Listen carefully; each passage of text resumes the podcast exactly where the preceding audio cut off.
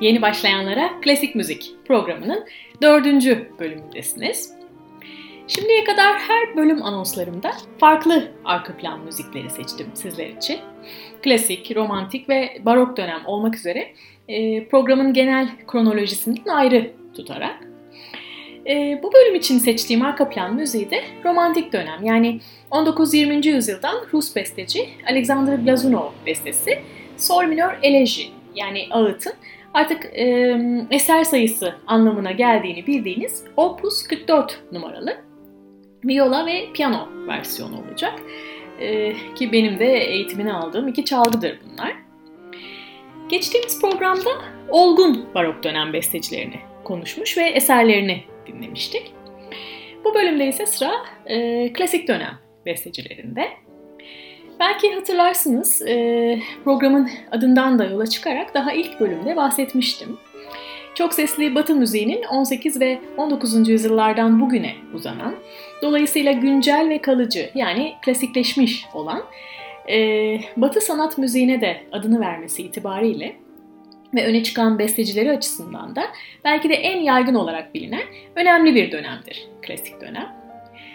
Özellikle bu döneme damgasını vuran iki besteci Mozart ve Beethoven'ı duymayan azdır zannediyorum. Ben de bu bölümü önce Bach'ın oğulları ve bu iki bestecinin hocası olan Haydn'dan başlayarak konuşacağım ve tabii her zaman olduğu gibi kadın müzisyenlerden de örnek vereceğim. Dolayısıyla e, belki e, normalden biraz uzun ama elzem bilgiler içeren bir giriş yapacağım. 18. yüzyılın 19. yüzyıla bağlandığı klasik dönem, genellikle barok dönemin de sonu olarak kabul edilen Johann Sebastian Bach'ın ölüm yılı 1750'den yani 18. yüzyılın ikinci yarısından Beethoven'ın öldüğü 1827'ye yani 19. yüzyılın ilk çeyreğine kadar olan dönemi kapsar. Besteciler açısından özellikle Haydn, Mozart, Beethoven e, üçlemesi birinci Viyana okulu olarak bilinir ki ikincisi için 20. yüzyıla kadar beklemek gerekecektir. E, onu da konuşurum yine zamanı geldiğinde. Klasik dönemin müzikteki karşılığı e, barok müziğin aşırı süslemeli yapısına karşı daha sade ve kolay anlaşılır bir tavırdır. Farklı çalgı ailelerinin de bir araya gelmesiyle nüansların katkısı ve senfonik orkestra müziği bu dönemde oturaklı bir hal alır. Aydınlanmanın da etkisiyle humanist yapı tekrar öne çıkar ve doğallık önem kazanır. Müzikteki yansıması baroktaki karmaşayla kaybedildiği düşünülen dinleyicinin duygularına hitap edebilmektir. Amerikan bağımsızlık bildirgesi ve Fransız devrimi gibi toplumsal hareketlerle birlikte müzik de e, soyluların saraylarından orta sınıf konser salonlarına geçer ve artık hizmet aracı olmaktan da çıkıp senfonik gelenek aracılığıyla her alana demokratik olarak yayılır. Bu da belki geçici ısmarlama eserler yerine bestecilere de kalıcı olma şansı sağlayabilecek eserler yazma imkanı tanır e, zamanında ruhu itibariyle. Baroktaki polifonik yani çok sesli yapıdan ziyade homofonik yani eş sesli yahut eşlikli diyebileceğimiz yapı öne çıkar. Bu terimler kafa karıştırıcı gibi gelebilir ama e, basitçe piyano müziğinde eşlik edilen melodinin öne çıkması gibi e, düşünebilirsiniz homofoniyi. Piyano demişken klasik dönem ayrıca bugünkü piyanonun gelişimi açısından da önem teşkil eder. 1700'lerin başında icat edilen ve hem alçak hem de yüksek sesli klavyesi dolayısıyla pianoforte adı verilen piyano aslında yaklaşık 300 yıllık uzun bir gelişim sürecinden geçmiştir. Hatta 12. yüzyıla kadar uzanan, Asya'dan Avrupa'ya gelen ve 15. yüzyılda geliştirilen bir takım mekanizmalar aracılığıyla 16. yüzyılda borulu kilise orgu olan, derken 17. yüzyılda orkestralarda yer almaya başlayan klavyeli çalgılar ailesinin ataları artık 18. yüzyılın başında yerlerini piyanoya bırakırlar İlk piyanolar kuyruklu iken zamanla bugün duvar piyanosu diye bilinen dört köşe piyanolar yapılır. Piyano için ilk eser yazan besteciler çalgının kendine özgü teknik olanaklarını inceleyerek önce çeşitli etütler yani egzersiz parçalarıyla parmakları kuvvetlendirmeyi hedeflerler. Sonra gitgide e, solo, sol eldeki eşlik kısmı ile solo kısmın, sağ eldeki solo kısmın e, iki elde beraber seslendirilmesine yönelik bir ekol geliştirilir. 1700'lerin ortalarında konser sahnelerinde yer alan piyano, sonradan eklenen sesi kesen ve titreşimi durduran iki pedalla bugünkü yapısına ve çalma tekniğine 1800'lerde kavuşur. Sesleri uzatmaya yarayan üçüncü pedalsa ancak 1800'lerin ortalarında eklenir. Kısaca 18. yüzyıl itibariyle piyano çalgısı ve müziğinin de gelişimi 19. yüzyıla dek ivme kazanır. Bestecilerin ustaca yorumları ve gitgide gelişen mekanizmasıyla da birlikte yeni çalma teknikleri gelişerek piyano tüm dönemlerin gözde çalgısı halini alır. Bir taraftan diğer orkestra çalgılarının da kapasiteleri gelişirken müziği denetleyen aracılar diye e, adlandırabileceğimiz metronom ve orkestra şeflerinin baton kullanımı da bu dönem itibariyle hakimiyet kazanır.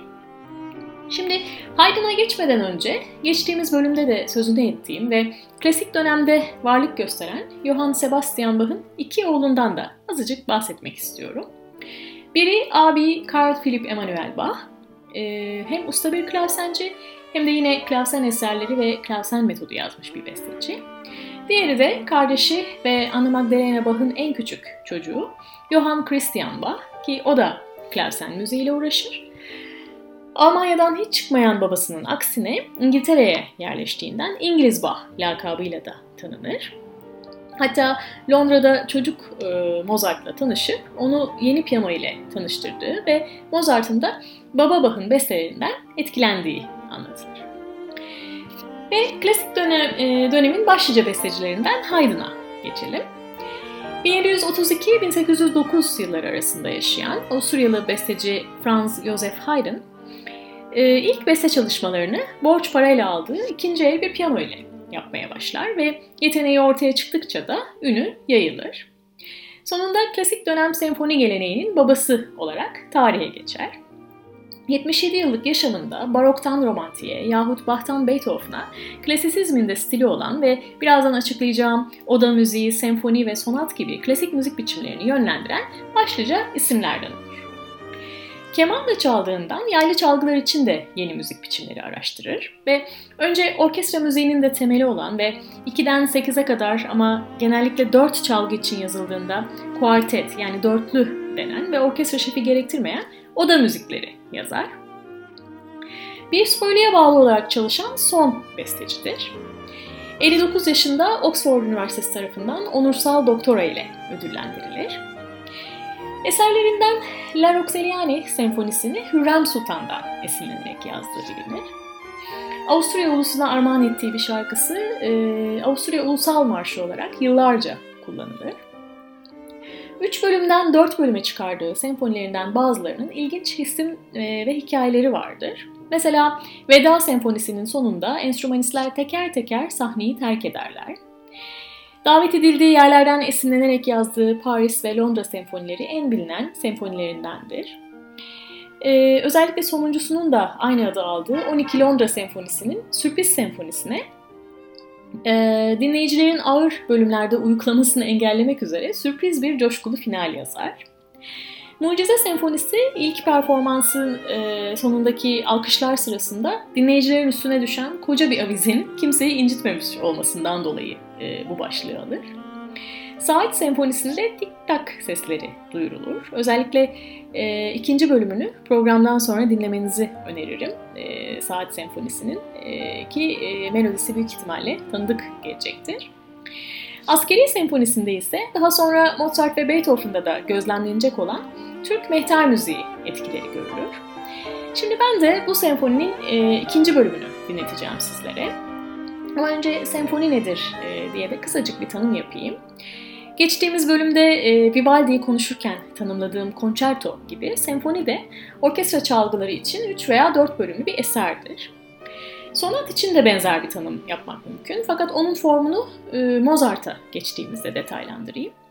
Şimdi Haydn'ın Askeri Senfonisi'nin e, ikinci bölümünü Bruno Bolter yönetiminde Viyana Filarmoni Orkestrası'nın 1938 tarihli Columbia Records plak kaydından dinliyoruz.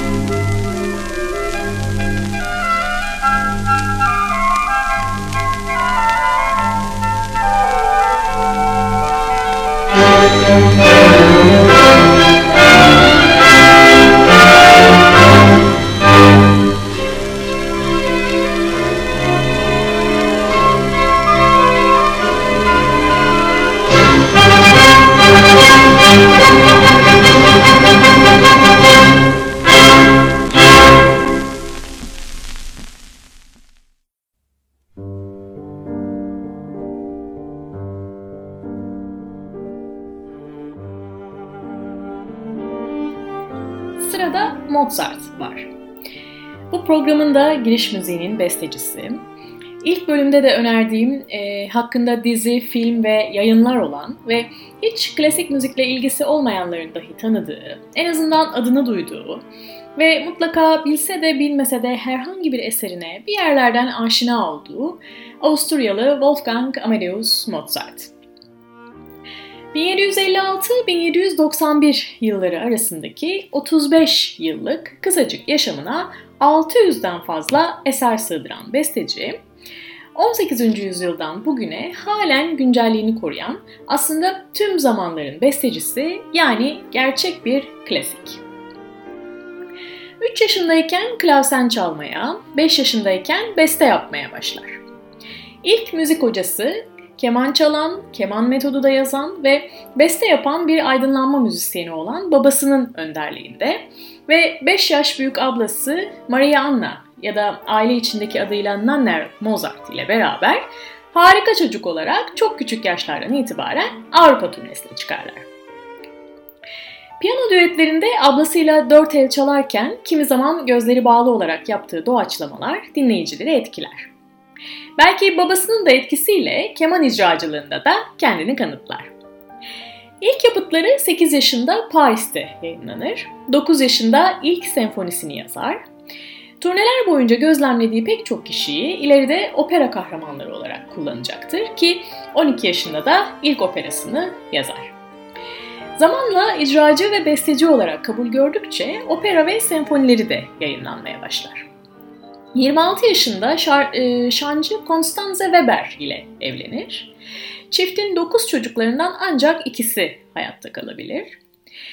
Masonik bağlantıları olsa dahi ömrü boyunca maddi sıkıntılar yaşadığı bilinir. Çeşitli eğlenceler için yazdığı bestelerini ise çalgı ve dans müziği biçimleri olarak geliştirir. Bunların en ünlüsü bestecinin 31 yaşındayken yazdığı ancak yazılışından 40 yıl sonra ortaya çıkan ve Küçük Bir Gece Müziği adıyla bilinen 13 numaralı Sol Majör Serenatı'dır. Bu ve benzeri ismini andığım eserleri not alıp e, programdan sonra dinlemenizi öneririm. Erişkin döneminde yazdığı eserlerini bir diğer hocası ve dostu Haydn adar. Genel olarak yalın ve nükteli anlatımı, güçlü ritmik yapısı ve coşkusunun altındaki felsefe müziğinin özellikleri olur. Hemen her müzik biçimi için örnekler verip yaklaşan romantik akımın doğaya övgüsünden ziyade insan doğasını müziğine yansıtır. Mesela Saraydan Kız Kaçırma operasının konusu İstanbul'da geçer ve sevgilisini tutsak edildiği haremden kurtarmak isteyen bir kahraman hakkındadır. Operanın uvertüründe ve korolu bölümlerde kullanılan vurmalı çalgıların zenginliği mehter müziği etkisi yaratır. Türklerin geçmişteki Viyana kuşatmalarıyla Avrupa'da oluşan korku zamanla ortadan kalkar ve sanat eserlerine konu olmaya başlayan bu Alla Turca tarzını yine bir Osmanlı cariyesini konu alan tamamlanmamış Zahide operası ve birazdan dinleyeceğimiz Türk Marşı diye de bilinen 11 numaralı La Major piyano sonatının son bölümüne de yansıtır. Bir de zamanında premierinin bir e, kumarhanede yapıldığı 20 numaralı Re minor piyano konçertosunun ilk bölümünü e, özellikle bugün 77 yaşındaki Arjantinli konser piyanisti efsanevi Martha Argerich yorumuyla dinleyebilirsiniz. Mozart'ın bir başka ünlü eseri Figaro'nun Düğünü, bestecinin 30 yaşında bestelediği komik operasıdır. Özellikle neşeli uvertürünü yine dinlemenizi öneririm. Son senesinde bestelediği Sihirli Flüt operasının da premieri ölümünden 3 ay önce gerçekleşir ve özellikle Gece Kraliçesi'nin aryası ve Papageno Papageno gibi bölümleriyle akılda kalır.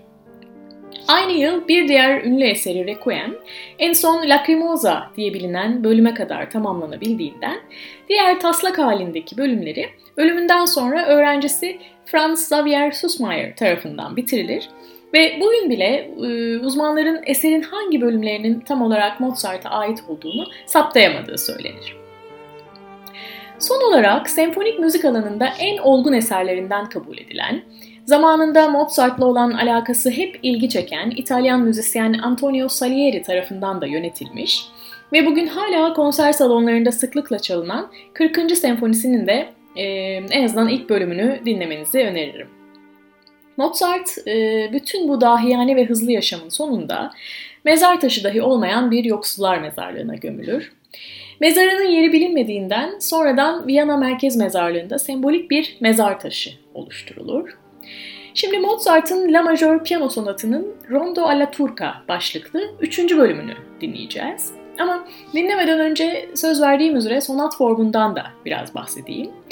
Sonatın yapısı Haydn ve Mozart'la birlikte 3 bölümden 4 bölüme çıkar demiştim.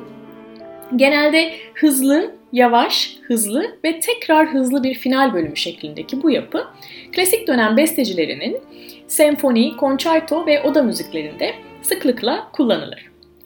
Kelime kökeni İtalyanca sonare yani bir çalgıyla ses çıkarmak veya çalgı çalmak anlamından gelir. Barok dönem sonatları bir veya birkaç çalgı için yazılırken klasisizmi itibariyle bu biçim orkestra yapıtlarına da uyarlanır. Bütün bu birbiriyle bağlantılı oda müziği, konçerto ve senfoni gibi çalgı müziği biçimleri Klasik Viyana Okulu da denen üç besteci Haydn, Mozart, Beethoven ile klasik dönem müziğinin simgeleri olurlar.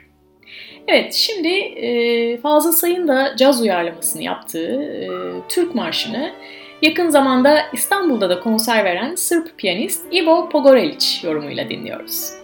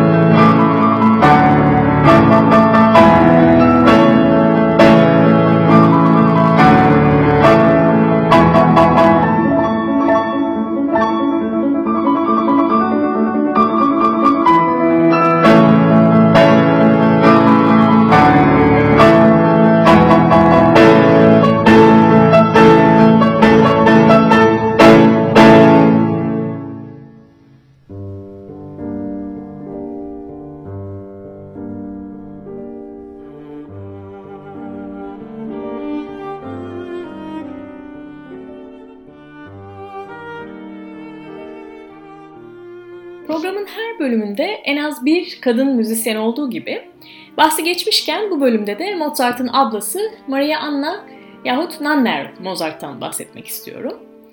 1751-1829 yılları arasında yaşamış, şarkı söyleyen, keman ve piyano çalan ve kardeşinin zannedilen bazı bestelerin kendisine ait olduğu zaman içerisinde ortaya çıkan ancak kadın olduğu için başta babası tarafından kendisine uygun görülmeyen müzik kariyeri sonlandırılmaya çalışıldığından 78 yıllık yaşamında gizli gizli beste yapmaya devam eden bir müzisyen.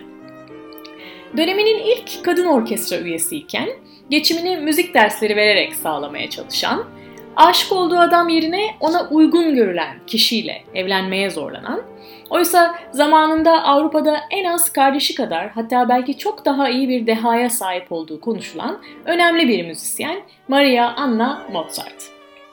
Besteleri yalnız kendi tuttuğu defterlerde yahut aile mektuplarında kaldığından maalesef bugüne ulaşamamış ve tarihe sadece bir piyanist ve daha çok Mozart'ın ablası olarak birkaç satırla geçebilmiş.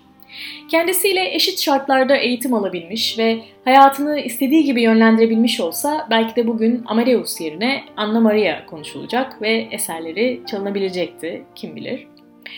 Mozart'ın kız kardeşi Nanner diye bir film ve de Amerikalı yazar Nancy Moser'ın yazdığı Gölgede Bir Yaşam diye Türkçe'ye çevrilmiş bir kitabı da var. Hakkında daha fazla bilgi edinmek isterseniz önerebilirim.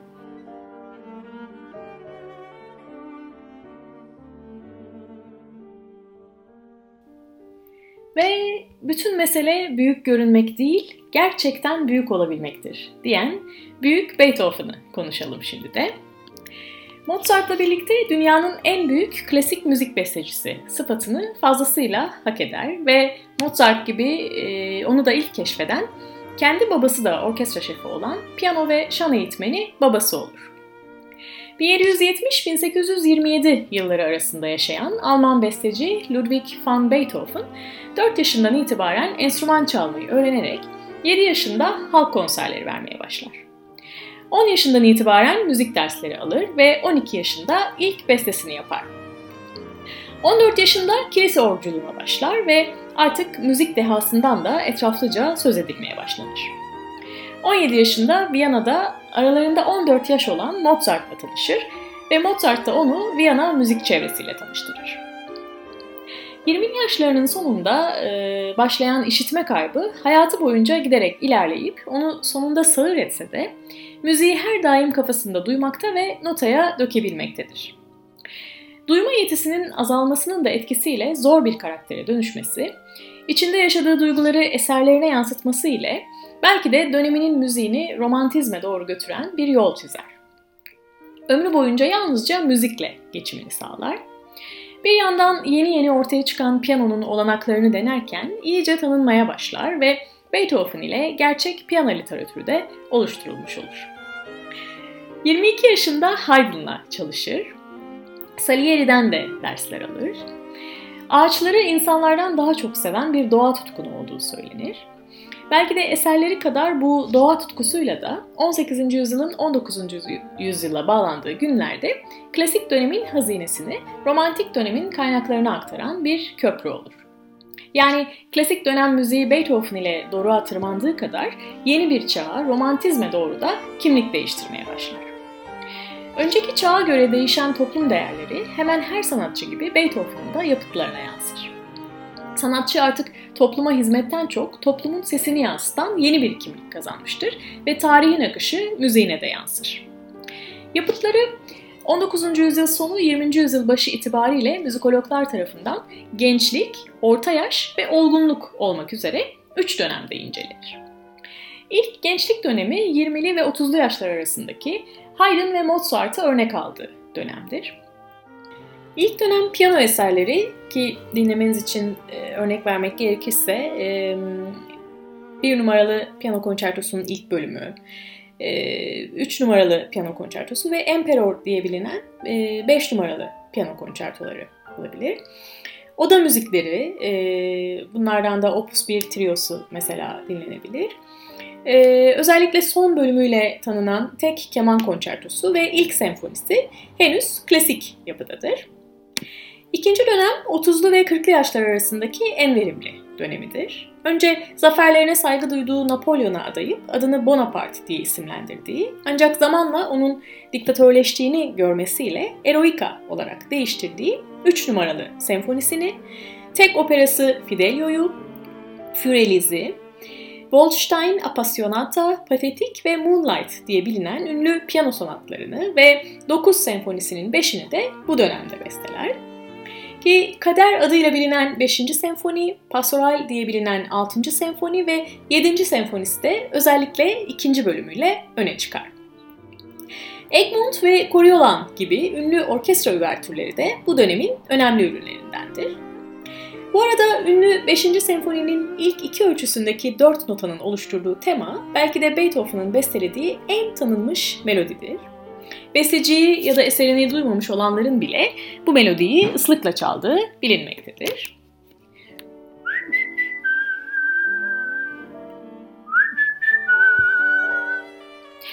Bu melodi 2. Dünya Savaşı sırasında politik bir özellik de kazanır. Morse alfabesinde 3.1 çizgi V harfidir. V harfi Nazilerin hakimiyeti altındaki uluslarca victory yani zafer simgesi olarak kullanılır. Beethoven'ın bu teması da üç kısa bir uzun notadan oluştuğu için Nazi zulmüne bir çeşit meydan okuma amacını güder. Son dönemi ise 40'lı yaşlardan 57 yaşında ölene kadar olan dönemdir. Son dönemin başyapıtları arasında Missa Solemnis ve 9. senfoni gelir.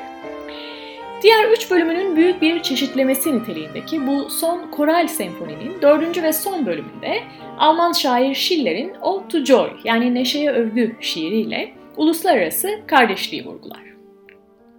Kendinden sonraki bestecilerin eserlerinde de etkileri görülür. Hatta Beethoven etkisi yüzyıllar sonra sinemaya da yansır ki bu noktada Immortal Beloved ve Copying Beethoven filmlerini de izlemenizi öneririm.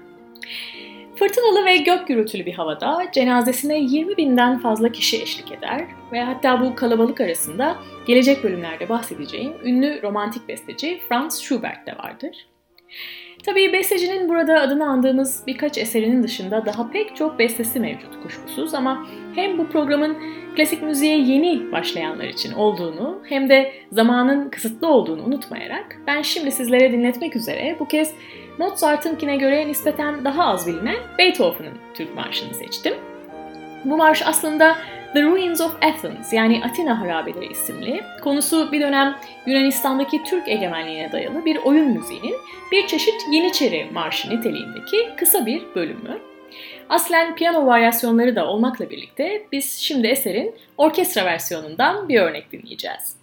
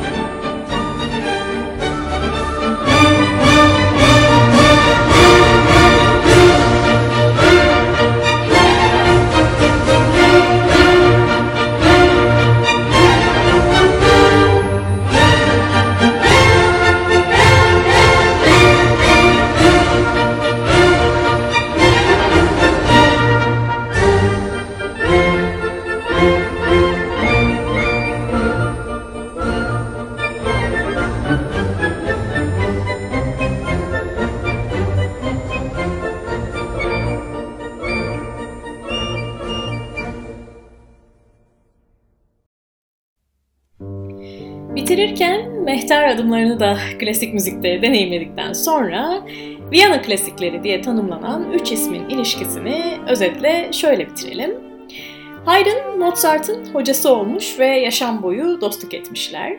Hatta Haydn Mozart'ın yeteneğine o kadar hayran ki cenazesi bile Mozart'ın Requiem'i ile kaldırılmış.